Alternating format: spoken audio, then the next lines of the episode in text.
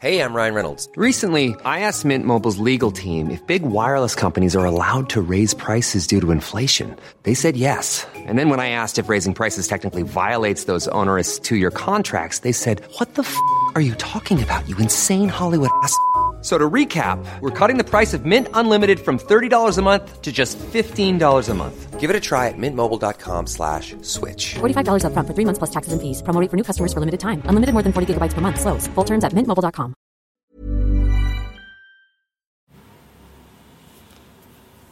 Halo pendengar GGMI Podcast, balik lagi bersama kita berdua dan masih dalam suasana bursa transfer musim dingin 2024 ada satu rumor yang sangat menggemparkan dan cukup dinanti-nanti oleh hampir sebagian besar para pendukung MU di mana kita dikaitkan untuk bisa mengkontrak 6 bulan nama yang sangat besar yaitu adalah Karim Benzema. Nah, gimana bos pendapat lu terkait dengan rumor Karim Benzema? Benzema sebenarnya ini udah rumor dari tahun lalu ya, di mana sebenarnya MU atau tim-tim lainnya ini punya kesempatan buat kontrak dia. Tapi apa ya kayak katanya kan Benzema mau jadi icon ya waktu itu di Arab, kemudian mau di negara yang Muslim gitu kan, gitu. Cuma ternyata kabarnya dia ada clash nih sama pelatihnya waktu itu sama Nuno Espirito Santo kan, Iya.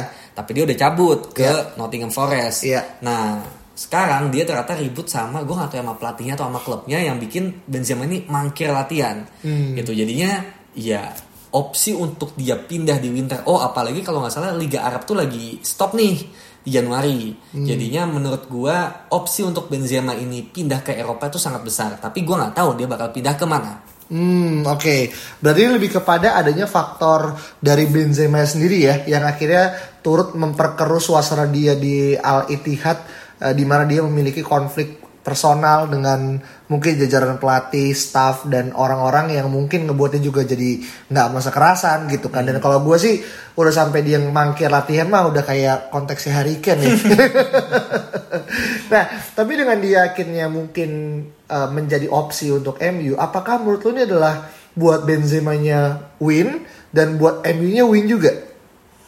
buat Benzema sebenarnya selalu win sih gitu. Maksudnya dia stay di Arab pun dia win gitu karena ya apa yang mau dia cari lagi gitu loh. Ya kan? Iya. Kemudian dia kalau pindah ke liga lain kayak liga ke liga Inggris gitu itu juga bakal menjadi mungkin pengalaman terakhir lah bagi dia gitu untuk menutup uh, karirnya dia gitu. Itu juga bagus juga gitu. Jadi sebenarnya buat Benzema nggak ada lose-nya gitu. Dia selalu win. Cuma untuk MU Nah, ini mungkin yang menjadi pembahasan. Iya. Apakah kalau Benzema pindah ke MU ini adalah pilihan yang tepat? Terlebih kita kan juga lagi mau meremajakan squad Iya. dan juga mungkin mengurangi pemain-pemain dengan gaji tinggi. Ya, Tapi malah kita datangin pemain yang udah 36 tahun, yang gajinya juga udah pasti tinggi, labelnya superstar, kayak ini kita sign another Ronaldo gitu, yang mana kita kemarin menolak Ronaldo, tapi kita datengin Benzema dengan status yang kurang lebih sama gitu. Jadi iya, iya. Iya, gue masih bis- uh, bisa dibilang gue bimbang sih antara iya atau enggak. Hmm, oke. Berarti lu lebih ngerasa pembelian secara dalam arti mungkin bukan pembelian, lebih ke peminjaman Benzema ini adalah kontradiktif dari apa yang mau coba kita lakukan ya dengan Iya. permajaan squad, trimming salary, termasuk juga mungkin kita pengen mengurangi nama-nama besar yang takutnya itu malah mengganggu stabilitas pemain gitu Nah. kan. Karena kan kita tahu Benzema dengan status besarnya maka dia mungkin ingin mendapatkan spotlight termasuk yang gua mungkin kalau takutin enggak ya lebih kepada kayak apakah nanti dia juga akan let's say meminta dalam klausul menjadi kapten Iya kan? Karena kan Iya, dia iya. Etihad juga kapten kan Iya, gitu iya, kan. Dan apakah dia juga ada jaminan dia nggak akan clash dengan Erik Ten Hag gitu. Karena kan iya. dua-duanya sama-sama alpha nih gitu ya. Uh, Benzema merasa alpha gitu kan. Ten Hag juga alpha gitu. Yang gue tahu ya diuntungkan adalah Piers Morgan sebenarnya. nah, tapi terlepas daripada mungkin buat Benzema-nya win ya di mana pun dia berada, tapi buat MU-nya kan kita kan cuma minjem dia 6 bulan. Jadi sebenarnya mungkin kalau masalah gaji dengan kita mengoffload Jadon Sancho, kita juga mungkin akan ngelepas Anthony Martial dan juga let's say ada beberapa nama yang mungkin udah kita lepas kayak Hanejbal Mejbri, Facundo Pellistri, Donny van de Beek. Itu bukankah memberikan slot let's say ya setengah salary trimnya bisa kita kasih ke Benzema gitu Vin? Kalau Hannibal sebenarnya kan ya gaji nggak seberapa. Hmm. Pelistri juga masih bertahan. Terus Sancho mungkin ya ada ada part di mana kita bisa Bayar 100 mengurangi ya? ya. Iya, kita bayar 100 Iya, ya. bayar 100. Heeh. Iya, 250 ya ke sana gitu ke ke Dortmund ya. Iya. gitu. Bayar 100 masih lumayan lah gitu. Hmm. Kemudian siapa lagi? Martial itu udah dikonfirm bahwa dia bakal bertahan sampai akhir musim kan Oh iya. gitu jadi sebenarnya kalau Martial cabut mungkin pas tuh porsinya karena kan dia gede banget ya Iya. 250 ribu per week tapi karena dia masih stay nah itu dia jadi berat gitu jadi menurut gua gua nggak tahu hitung hitungannya pas atau enggak tapi lebih ke ini sebenarnya benar yang lu bilang. Kalau Benzema datang ini short term fix yang cukup bagus untuk sampai akhirnya nemenin Hoylund Iya. sampai akhir musim. Iya. karena Hoylund butuh pemain yang lebih senior yang bisa eh, mungkin dia jadikan mentor. Dan juga mungkin dari sisi leadershipnya juga pengalamannya juga. Cuma ini ya yang gue bilang tadi ini tuh tricky banget. Bisa jadi bagus bisa juga jadi jelek. Cuma untungnya ini emang cuma enam bulan gitu. Jadi jujurnya gue masih masih apa ya masih 50-50 sih. Satu sisi kayak ya oke sih di atas kertas dia akan menjadi satu yang muda kan Hoylund satu lagi yang senior. 16 tahun bedanya loh. Iya beda 16 tahun gitu. Senior gitu. Jadi Ini perpaduannya bagus di atas Iya. kertas. Iya. Tapi gue cuma takut konflik-konflik Apa ya Ya Pelatih dengan pemain senior Kemudian Apa ya Kayak ada momen di mana Dia ingin dimainkan terus misalnya gitu. Jadi Hal-hal yang sifatnya non teknis ini yang gue takutin. Meskipun sebenarnya di secara non teknis lain ya dia bagus. Dia sebagai kapten leadershipnya juga bagus dia bisa dan dia bisa akrab dengan para pemain Prancis kayak Martial dengan eh gue mau bilang Pogba lagi. Itu gak bilang Evra. iya eh, siapa namanya? Farhan gitu. Jadi sebenarnya bagus juga sih kan sama-sama senior ya Farhan sama Benzema gitu gitu Kagak kirain gue lu mau nyebut Kambuala. Oh iya, Bagus Kambuala. Iya, iya, Bener, iya. Oke, tapi gue ngeliat gini sih, persamaan antara Al Ittihad dan juga MU adalah mereka sama-sama tercecer di peringkat ke-8. Jadi sebenarnya Benzema pindah ke liga yang baru tapi di peringkat yang sama gitu kan. Meskipun secara torehan skor ya dia mencetak 9 gol dan 5 assist dari 15 penampilan. Jadi Di sebenarnya ya di Arab. iya, still dia peringkat ketujuh gitu kan. Eh, apa namanya Al Ittihadnya gitu di bawah peringkat lumayan jauh sih eh, 25 poin dari Al, Al Hilal ya klubnya Neymar ya.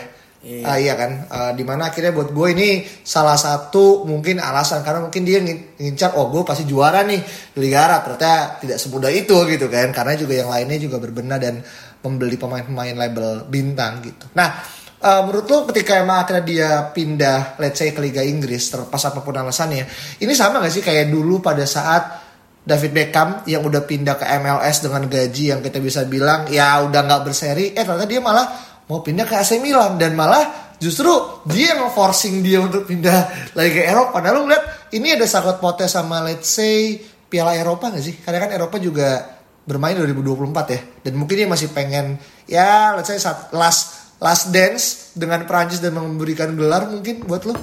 Iya dengan Prancis kan sebenarnya dia lebih ke lagi-lagi ya clash gitu. Jadi Benzema ini mah banyak clashnya gitu loh. Di timnas Prancis sama Deschamps gitu Hmm. kan. Kemudian sama waktu itu Saywar juga sama Giroud kan. Iya.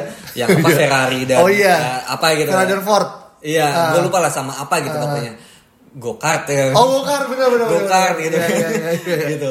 Kemudian eh, sekarang dengan Ali Ittihad gitu. Nah, gue juga khawatir kalau dia pindah ke MU akan ada clash serupa entah sama siapa gitu. Jadi apa ya? Kayak ini tuh pemain bagus cuma gue pernah baca Benzema ini aman di Real Madrid karena dia merasa Real Madrid ini lebih besar daripada Benzema. Oh, Tapi kalau dia merasa dia lebih besar daripada klub. Nah, dia bakal semena-mena gitu loh. Jadi Hmm. tetap ada aura bintangnya gitu dan Ah. sejauh ini satu-satunya yang bisa menghandle dia adalah Real Madrid. Dan Jose Mourinho. Iya, ya Jose waktu itu gimana. Cuma ya Zidane juga sukses Oh, kan. iya, gitu. iya, iya, iya. Gitu. Jadi menurut gue tergantung dia melihat tim ini seperti apa gitu. Dan MU ini kan tim yang lagi carut marut ya menurut gue dan status kebesaran tim ini juga lagi dipertanyakan. Apakah masih tim besar atau lagi jatuh gitu loh. Memang lagi dua-duanya gitu. Jadi gue gue khawatir gitu. Meskipun ya lagi-lagi ya karena cuma enam bulan jadi mungkin nggak akan segitu berpengaruhnya gitu sih. Jadi menurut gue kalau sama Piala Eropa sih kayaknya enggak ya karena kayaknya udah done enough gitu dia di Prancis maksudnya bukan done enough ya tapi kayak udah clash itu udah nggak ketolong gitu. Ya. Jadi lebih kepada ya memang dia mungkin masih merasa bisa bermain aja gitu kayak penutup ya tadi mungkin last dance tapi bukan di Eropa Ya. bukan di Piala Eropa tapi di kompetisi Inggris gitu Ya. yang dia belum pernah rasakan. Hmm. Dan ya kalau pindah ke MU at least dia mungkin masih punya chance menang FA Cup kan gitu. Dia malah cocok menurut gue ke Arsenal sih. Ah iya Karena itu. secara sistem tuh udah jadi, cuma butuh satu penyerang aja gitu loh. Tapi apakah Arsenal lebih besar daripada Benzema? Kayaknya Nah, enggak ya, juga. ya, itu udah pasti enggak gitu. Tapi at least satu dari sistem Iya. itu udah oke banget. Kalau kita kan dari sisi yang masih mungkin, dari sisi sistemnya juga udah nggak jelas gitu loh. Iya. Belum jelas ya. Tapi kalau dia Arsenal itu udah pasti bagus kasarnya Hmm. dari sisi taktik karena Arsenal ini udah jadi kemudian eh, cuma butuh satu penyerang yang klinis Hmm. dan Benzema bisa jadi orangnya. Gitu. Cuma butuh enam bulan nanti mungkin eh, di bulan di summer nanti dia beli penyerang yang proper gitu. Jadi buat Arsenal ini lebih cocok gitu environmentnya ya. Ya. tapi kalau eh, MU ini gue nggak tahu bisa menjadi eh, orang yang mungkin memperbaiki ruang ganti atau malah memperparah ruang ganti gitu. Jadi ini tuh tricky kalau ke MU kalau ke Arsenal gue jamin bagus. Hmm. ke Chelsea juga bisa bagus Ya. sangat mungkin kan Chelsea juga butuh butuh penyerang kan. Tapi kalau kayak MU ini bisa jadi bagus bisa jadi jelek. Gue nggak tahu. Makanya tadi gue bilang gue 50-50 antara mau atau enggak. Oke, nah ini menarik juga nih karena gue dengar di Sky, Sky Sport ya, uh, Antonio, eh sorry Antonio lagi, Rio Ferdinand itu memberikan komentar terkait dengan perekrutannya Benzema ini mirip kayak kita perekrutan Zlatan, Ronaldo dan juga Henrik Larsson. Di mana dia bilang kan, siapa yang berani mengatakan tidak pada seseorang bernama Benzema gitu kan. Dia kalau gua artiin ya dalam bahasa Indonesia gitu kan. Dia bilang, ya walaupun orang bilang gajinya tinggi dan kita nggak bisa bayar, tapi di situlah uh, adrenalin ya gitu kan atau uh, artsnya gitu kan dan dia juga bilang kayak membandingkan Hoylund yang sekarang itu sama kayak ketika Danny Welbeck di eranya dia itu melihat sosok-sosok seperti Carlos Tevez, Berbatov dan juga mungkin Wayne Rooney gitu kan jadi kayak ada someone he can look up to gitu nah Hoylund tuh ya dikomparasikan dengan This is Paige, the co-host of Giggly Squad, and I want to tell you about a company that I've been loving, Olive and June. Olive and June gives you everything that you need for a salon quality manicure in one box. And if you break it down, it really comes out to $2 a manicure, which is absolutely insane. It's also so easy to get salon worthy nails at home with Olive and June. The difference between how your nails used to look when you did them yourself and now with the Manny system is a complete game changer. The best thing about Olive and June too is it's a quick dry. Dries in about one minute, lasts for five days, and full coverage in up to one to two coats. Visit oliveandjune.com slash perfectmanny20 for 20% off your first system. That's oliveandjune.com slash perfectmanny20 for 20% off your first system. Hiring for your small business? If you're not looking for professionals on LinkedIn, you're looking in the wrong place. That's like looking for your car keys in a fish tank. LinkedIn helps you hire professionals you can't find anywhere else, even those who aren't actively searching for a new job but might be open to the perfect role. In a given month, over 70% of LinkedIn users don't even visit other leading job sites. So start looking in the right place. With LinkedIn, you can hire professionals like a professional. Post your free job on linkedin.com slash achieve today. Welbeck di tahun mungkin 2012 gitu Vin lu setuju gak dengan apa yang Ferdinand sampaikan? Iya ada setujunya sih kayak memang dia bisa menjadi tadi ya mentor bagi para pemain muda terutama sekarang Hoylund tapi lebih ke apa ya? Ya Ferdinand juga ngomong hal yang sama tentang Ronaldo kan pada saat itu gitu. Dan terbukti Ronaldo memang ternyata datang ke MU itu ya cuma untuk hype aja gitu loh, untuk Iya, vibes iya. bukan untuk kebutuhan yang sebenarnya. Nah gue khawatir komentar ini juga nantinya bakal ke arah sana gitu loh. Kayak oh ini memang vibesnya Benzema cocok nih. Prancis Yes. kemudian berpengalaman bisa menyelamatkan MU padahal ya Ten Hag memang prefer oke memang mungkin butuh pemain yang lebih senior tapi nggak sesenior itu nggak segede itu namanya gitu loh. Iya, iya. karena MU nggak butuh nama besar sekarang. MU tuh butuh pemain dengan skema yang yang bisa menjalankan skema gitu loh. Dan itu rata-rata pemain muda. Hmm. ataupun kalau senior itu bukan pemain-pemain bintang. Gue nggak tuh kayak City kayak Liverpool deh. Pemain bintang itu nggak ada Iya. Salah bintang tapi bukan pemain yang auranya bintang kayak Ronaldo kayak Benzema menurut gua gitu. Hmm. Dan Salah pun dibentuk dari Liverpool, bukan sebelum itu gitu loh.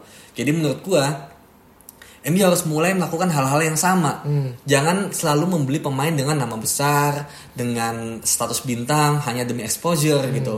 Yang tadi kayak di, kayak dibilang Ferdinand gitu ya, itu juga dia ngomong hal yang sama kan ketika ada Ronaldo gitu. Zlatan ya oke lah itu mungkin satu momen yang ya lu nggak ada pilihan juga waktu itu mau siapa kan. Akhirnya datangin Zlatan, oke berhasil. Satu musim kan. Musim depannya kan lu datangin Lukaku gitu, pemain yang lebih apa ya? lebih prime dan itu Iya. itu udah benar sebenarnya arahnya gitu. Cuma ya jangan sampai lah kita mengulang hal yang sama lagi gitu. Udah cukup lah kita dengan pemain-pemain yang setua itu. Karena skema kita tuh benar-benar butuh energi dan gua nggak yakin Benzema itu masih mampu di usia 36 37 ini bisa lari-lari kayak Hoylund gitu loh. Iya iya Gitu. iya. iya. Meskipun mungkin mikir kayak ya mungkin dia memberikan dimensi yang berbeda.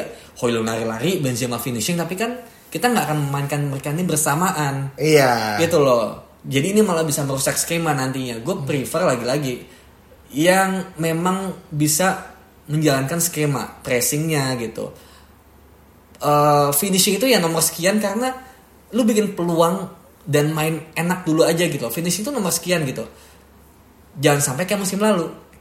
Musim lalu tuh kita overachieve. Di mana kita iyalah itu udah jelas lah. Kita- Oversupply gitu. iya overachieve banget gitu. Di mana kita nggak bisa bikin banyak peluang tapi klinis. Iya. tapi sesuatu yang terlalu klinis itu nggak akan sustain. Hmm.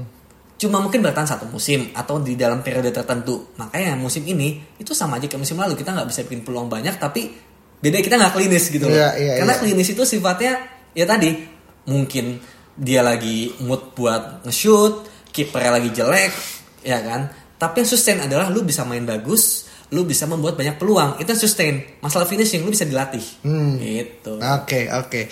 Berarti ini memang menjadi salah satu episode di mana Alvin agak ragu nih memberikan cara pandang objektif. Kan kalau di sebelum-sebelumnya kita cukup firm ya Vin ya. Lu bilang yes or no gitu kan. Iya. Nah kalau ini nih emang agak sulit.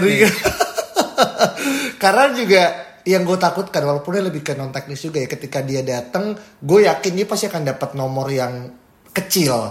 Nomor punggung. Kan dia dapat nomor 9 di Madrid di Etihad juga 9 kan. Nah kan di kalau di MU kan ada Martial gitu. Nah pertanyaannya apakah dia rela memberikan nomor 9 itu kepada Benzema selayaknya dulu? Kalau eh, siapa ya? Kalau nggak salah dulu eh, siapa sih dapat 7 sebelum Ronaldo? Raul. Ra- bukan di MU kan Oh, di MU. eh, itu kan dia kan datang tuh kan ngambil dari seseorang kan?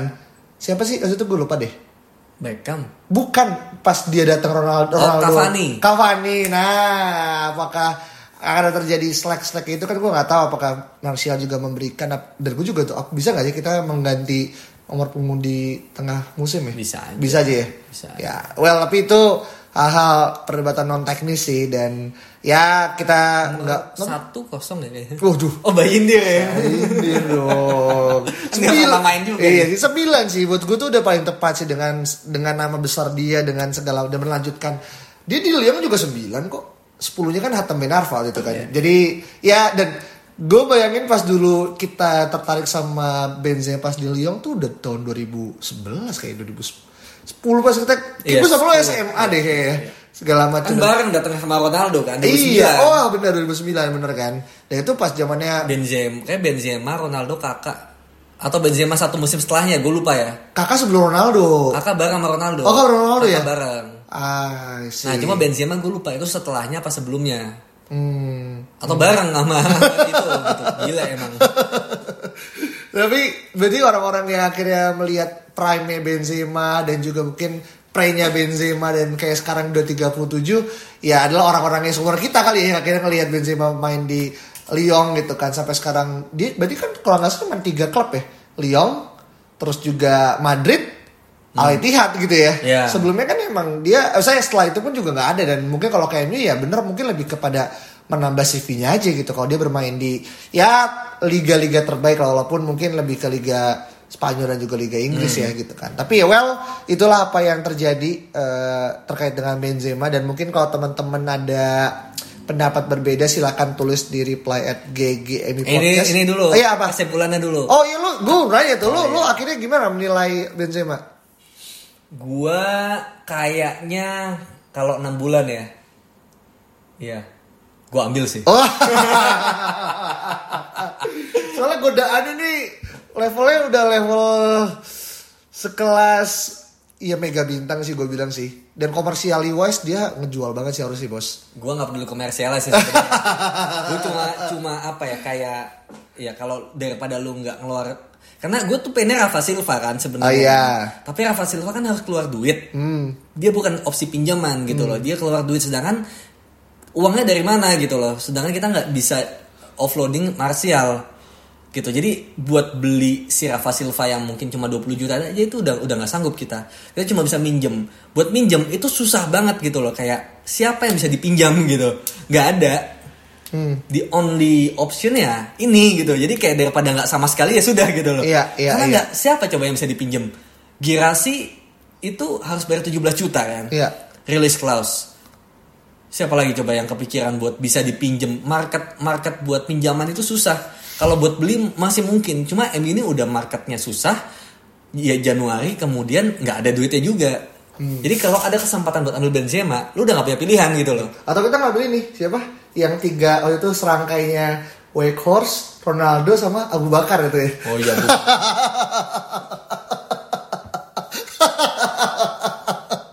Kalau dapat dua tuh udah Wakehorse udah, Iya Ronaldo sih. udah gitu kan. Iya. Lengkap Abu Bakar. Gila.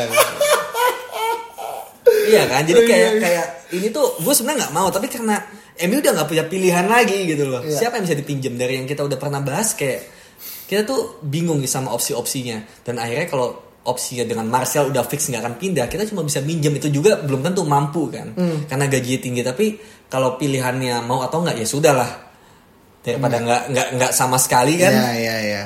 mending ambil daripada daripada malah ke Arsenal gitu. gitu. Iya iya iya iya. iya. Tapi Oke. kalau kalau nggak kalau misalnya ngambil tuh kayak ya ruginya kecil lah gitu. Iya sih. Gitu. Oke, oke. Lu sendiri gimana? Gue gue juga sama sih. Gue lebih gue masih pengen ngeliat eh, karena balik lagi ya. Gue tuh kan gue dulu langganan majalah soccer gitu kan.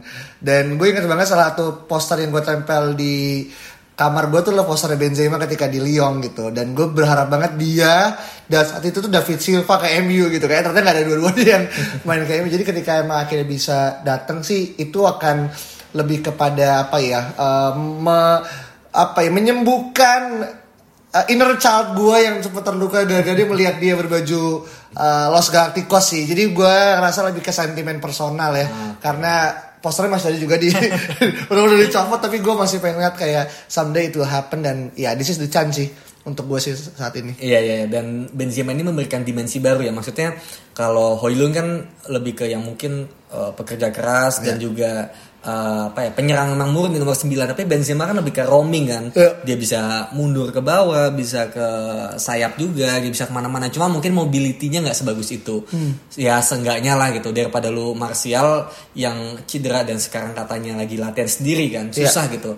Ya Benzema udah opsi yang ya lu ambil dia atau nggak nggak dapat sama sekali gitu. Jadi ya sudah ambil menurut gua. Ya ya ya ya kita bisa oh enam bulan juga kan Iya benar. Kayak juga dan lagian ini juga belum tentu Benzema nya mau kan karena kita nggak nggak ada Liga Champions gitu maksudnya kalau Arsenal masih main di knockout Oh kan. iya iya iya. Ya ini lebih ke harus ada didilan di di bawah meja yang mungkin akhirnya Iya. entah masalah gaji atau mungkin tadi gue bilang komersial.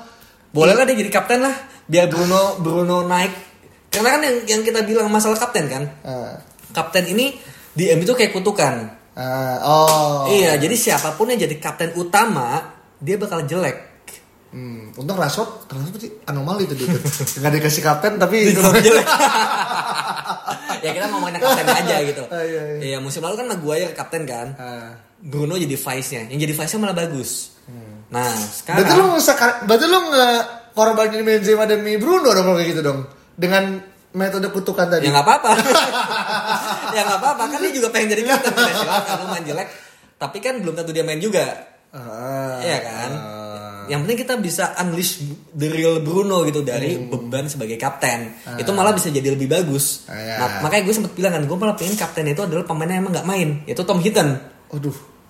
Tapi sebagai status aja kapten utama, tapi kapten di lapangan tetap Bruno, tapi statusnya dia vice gitu loh. Sama kayak musim lalu, kapten utamanya Maguire. Dia nggak main kan, karena mainnya jelek kan. Yang jadi kapten di lapangan siapa? Bruno. Tapi statusnya apa? Vice. Ah, ya walaupun cuma sekedar peralihan status aja kan tetap dia Tapi megang ngaruh kan. Tapi ngaruh tetap di lapangan. Tapi ngaruh. Lu lihat aja mainnya Bruno kayak apa musim ini gitu. Iya, iya, Terlepas dari sistem ya, tapi Iya, iya. ini musim terjeleknya Bruno menurut gua. I see. Oke, kita lihat akan seperti apa bola ini akan bergulir karena per kita tag masih ada waktu mungkin kurang lebih seminggu lebih lah ya. Uh, untuk akhirnya bursa transfer musim dingin ditutup tanggal 31 Januari atau 1 Februari lah uh, let's say. Dan kita lihat seperti apa bola liar akan berkembang. Dan teman-teman sekali lagi jangan lupa untuk terus like dan juga untuk bagikan uh, di sosial media teman-teman. Kita ketemu lagi berikut ya. Bye bye